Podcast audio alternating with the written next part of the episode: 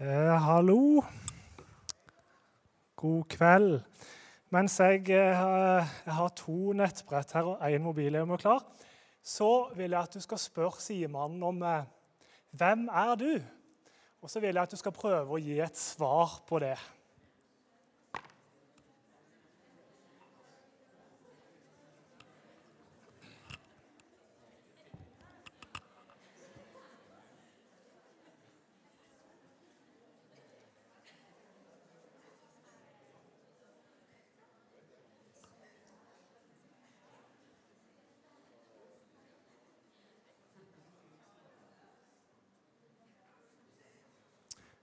Sådan. Flott. Vi pleier jo alltid å begynne med å presentere oss. Mitt navn er Helge André Lone. Jeg er da eh, god nok sånn som jeg er. Jeg er unik. Det fins ingen som meg.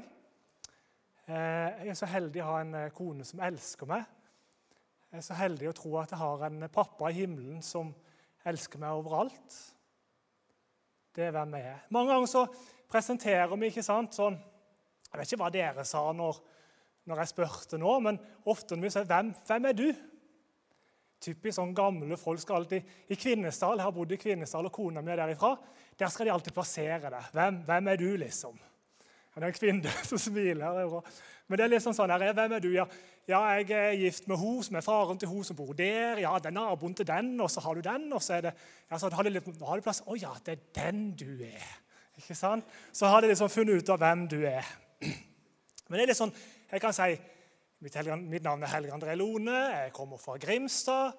Jeg er utdanna sosionom, jeg er gift og har tre barn. Så kan det liksom Det er meg. Nå vet dere hvem Helge André Lone er. Men, men jeg vil påstå det at du vet ikke hvem jeg er ved å vite hva jeg gjør. Jeg vil påstå at eh, hvem du er, ikke burde defineres av hva du gjør. Hvem du er, burde ikke defineres av hva du gjør. Om du er skoleelev, om du jobber som helsearbeider, så burde ikke det være det som definerer hvem du er. I 2004 eh, så ble denne mannen her funnet i USA i en bakgate han var banka opp, de hadde revet av han klærne, og han var bevisstløs.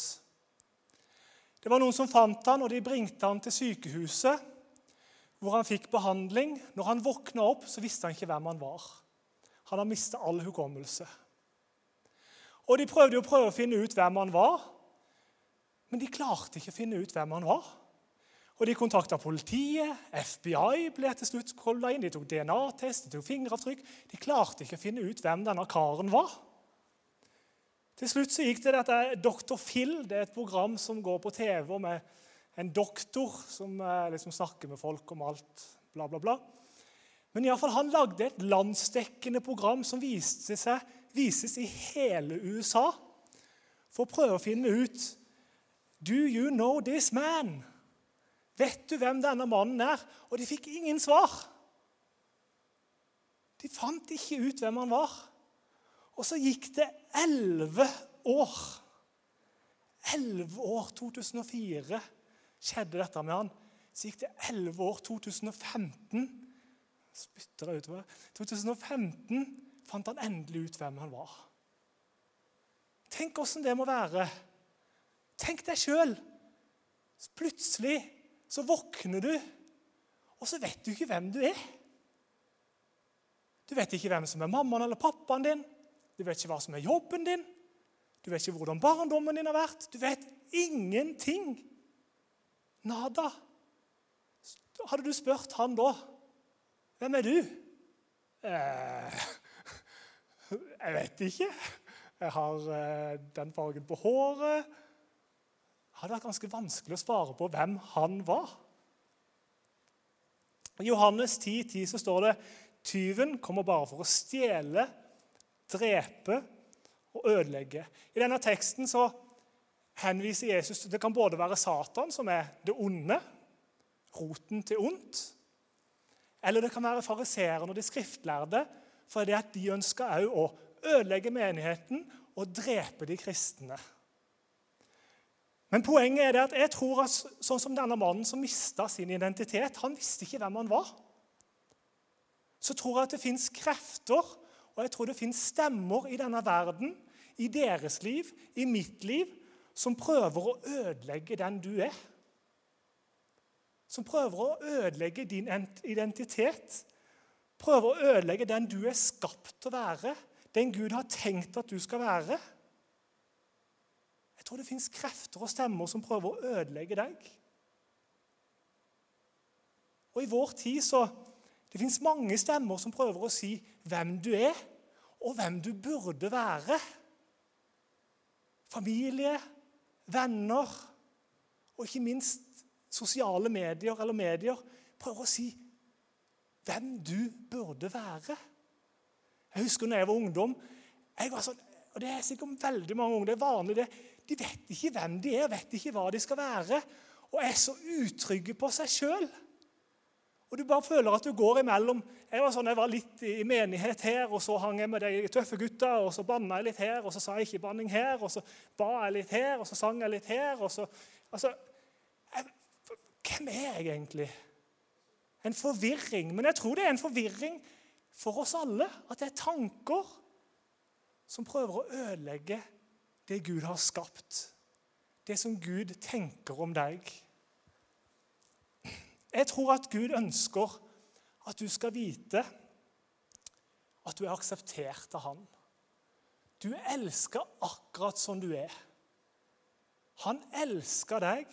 Han aksepterte deg for den du er, før han skapte jorda. Så elsker han deg. Han elsker deg. Og han gleda seg til du skulle komme. Han skapte deg fantastisk, unik. Og så tror jeg at du er verdifull, enormt verdifull for han. Ok, her har du to bilder. Den eh, til deres venstre den er da malt av Picasso. Eh, de estimerer Den ligger ute til salgs nå. Hvis noen har lyst til å ha en Picasso i stua eller rommet på KVS, så er det bare å slå til. Den er estimert til 18-25 eh, amerikanske dollar. Nei, 18-25 millioner dollar. Sånn. Ja. Det er litt penger, det. Eh, jeg, jeg da estimerer at den til høyre for dere er verdt én krone, som er det arket den er tegna på, for den tegnte jeg før i dag. Var ikke flink?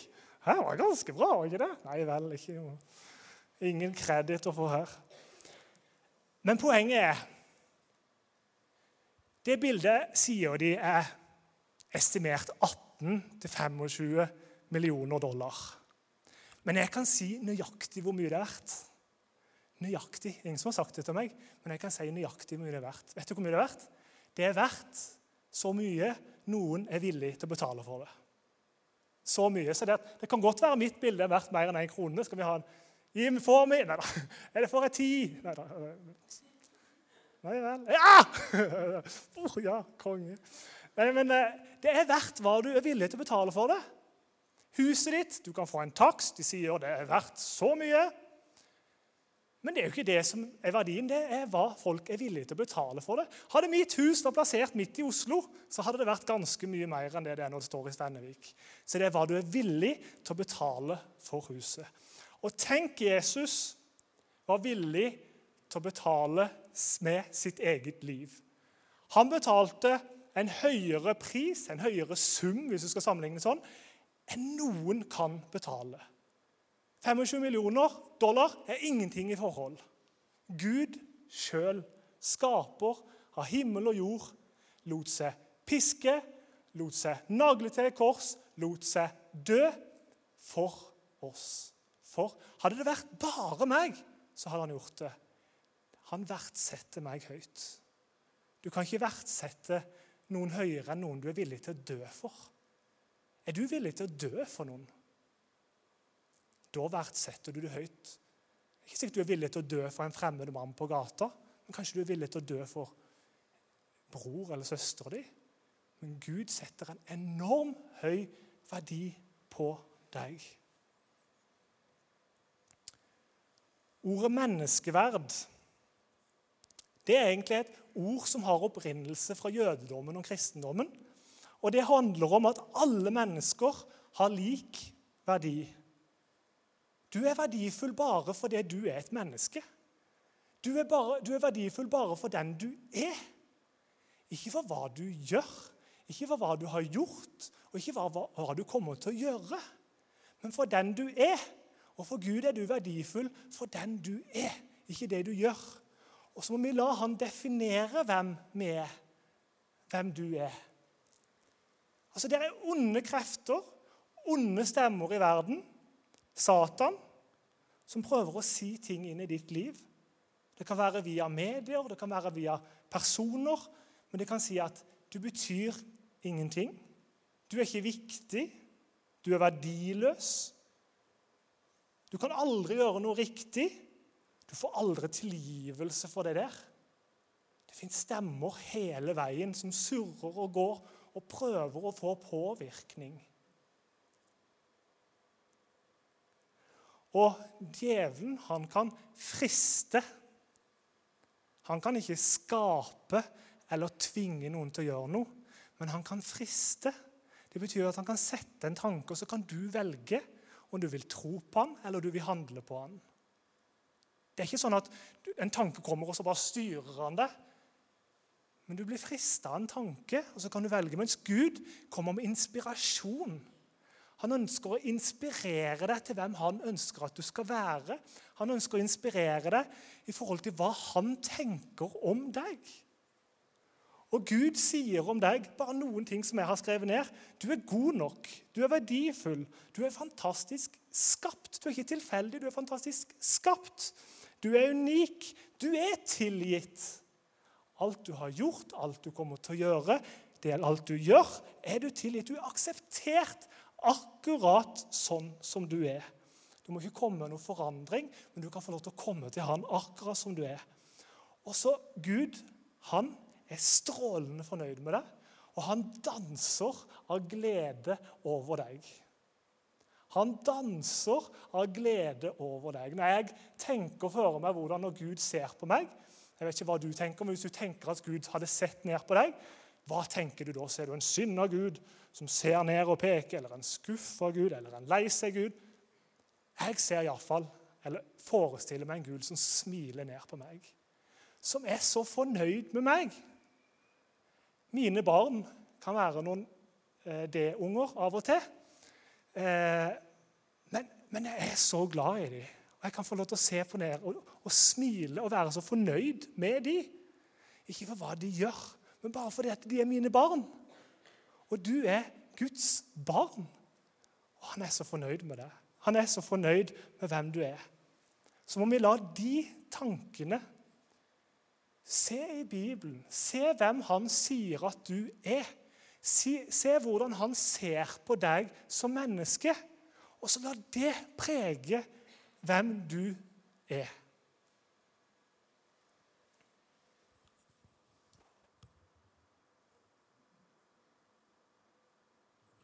Det jul? Jeg kan bestemme sjøl om jeg vil ha den på hodet eller ei. Jeg kan bestemme om jeg vil ha den lua på hodet, eller om jeg vil ta den av. På samme måte så kan du bestemme hva som definerer deg. Hva som definerer din personlighet, hva som definerer hvem du er.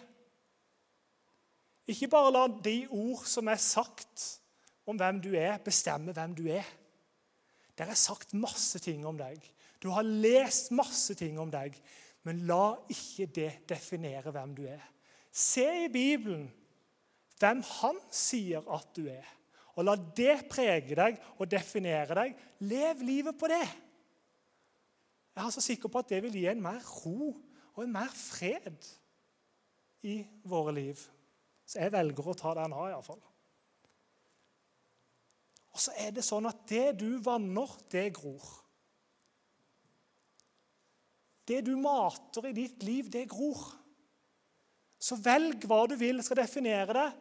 De stemmene som kommer, velg hvilken du vil la tale. Kommer det tanker, så må ikke du ta de. Du kan få lov. Sist helg så var jeg borte og talte i kvinnesal, og etterpå så kjente jeg bare åh, det var dårlig, det var ikke bra. Og så bare kjente jeg at jeg kunne ta de tankene til fange. Bibelen sier du kan ta tanker til fange. Og så bare si at det, det er jo ikke sant. Hvorfor bryr jeg meg om det? Og samme om det ikke var så bra. Jeg gjorde så godt jeg kunne. Og Gud er fornøyd med meg. Så det du vanner, det gror. Det du mater, det gror.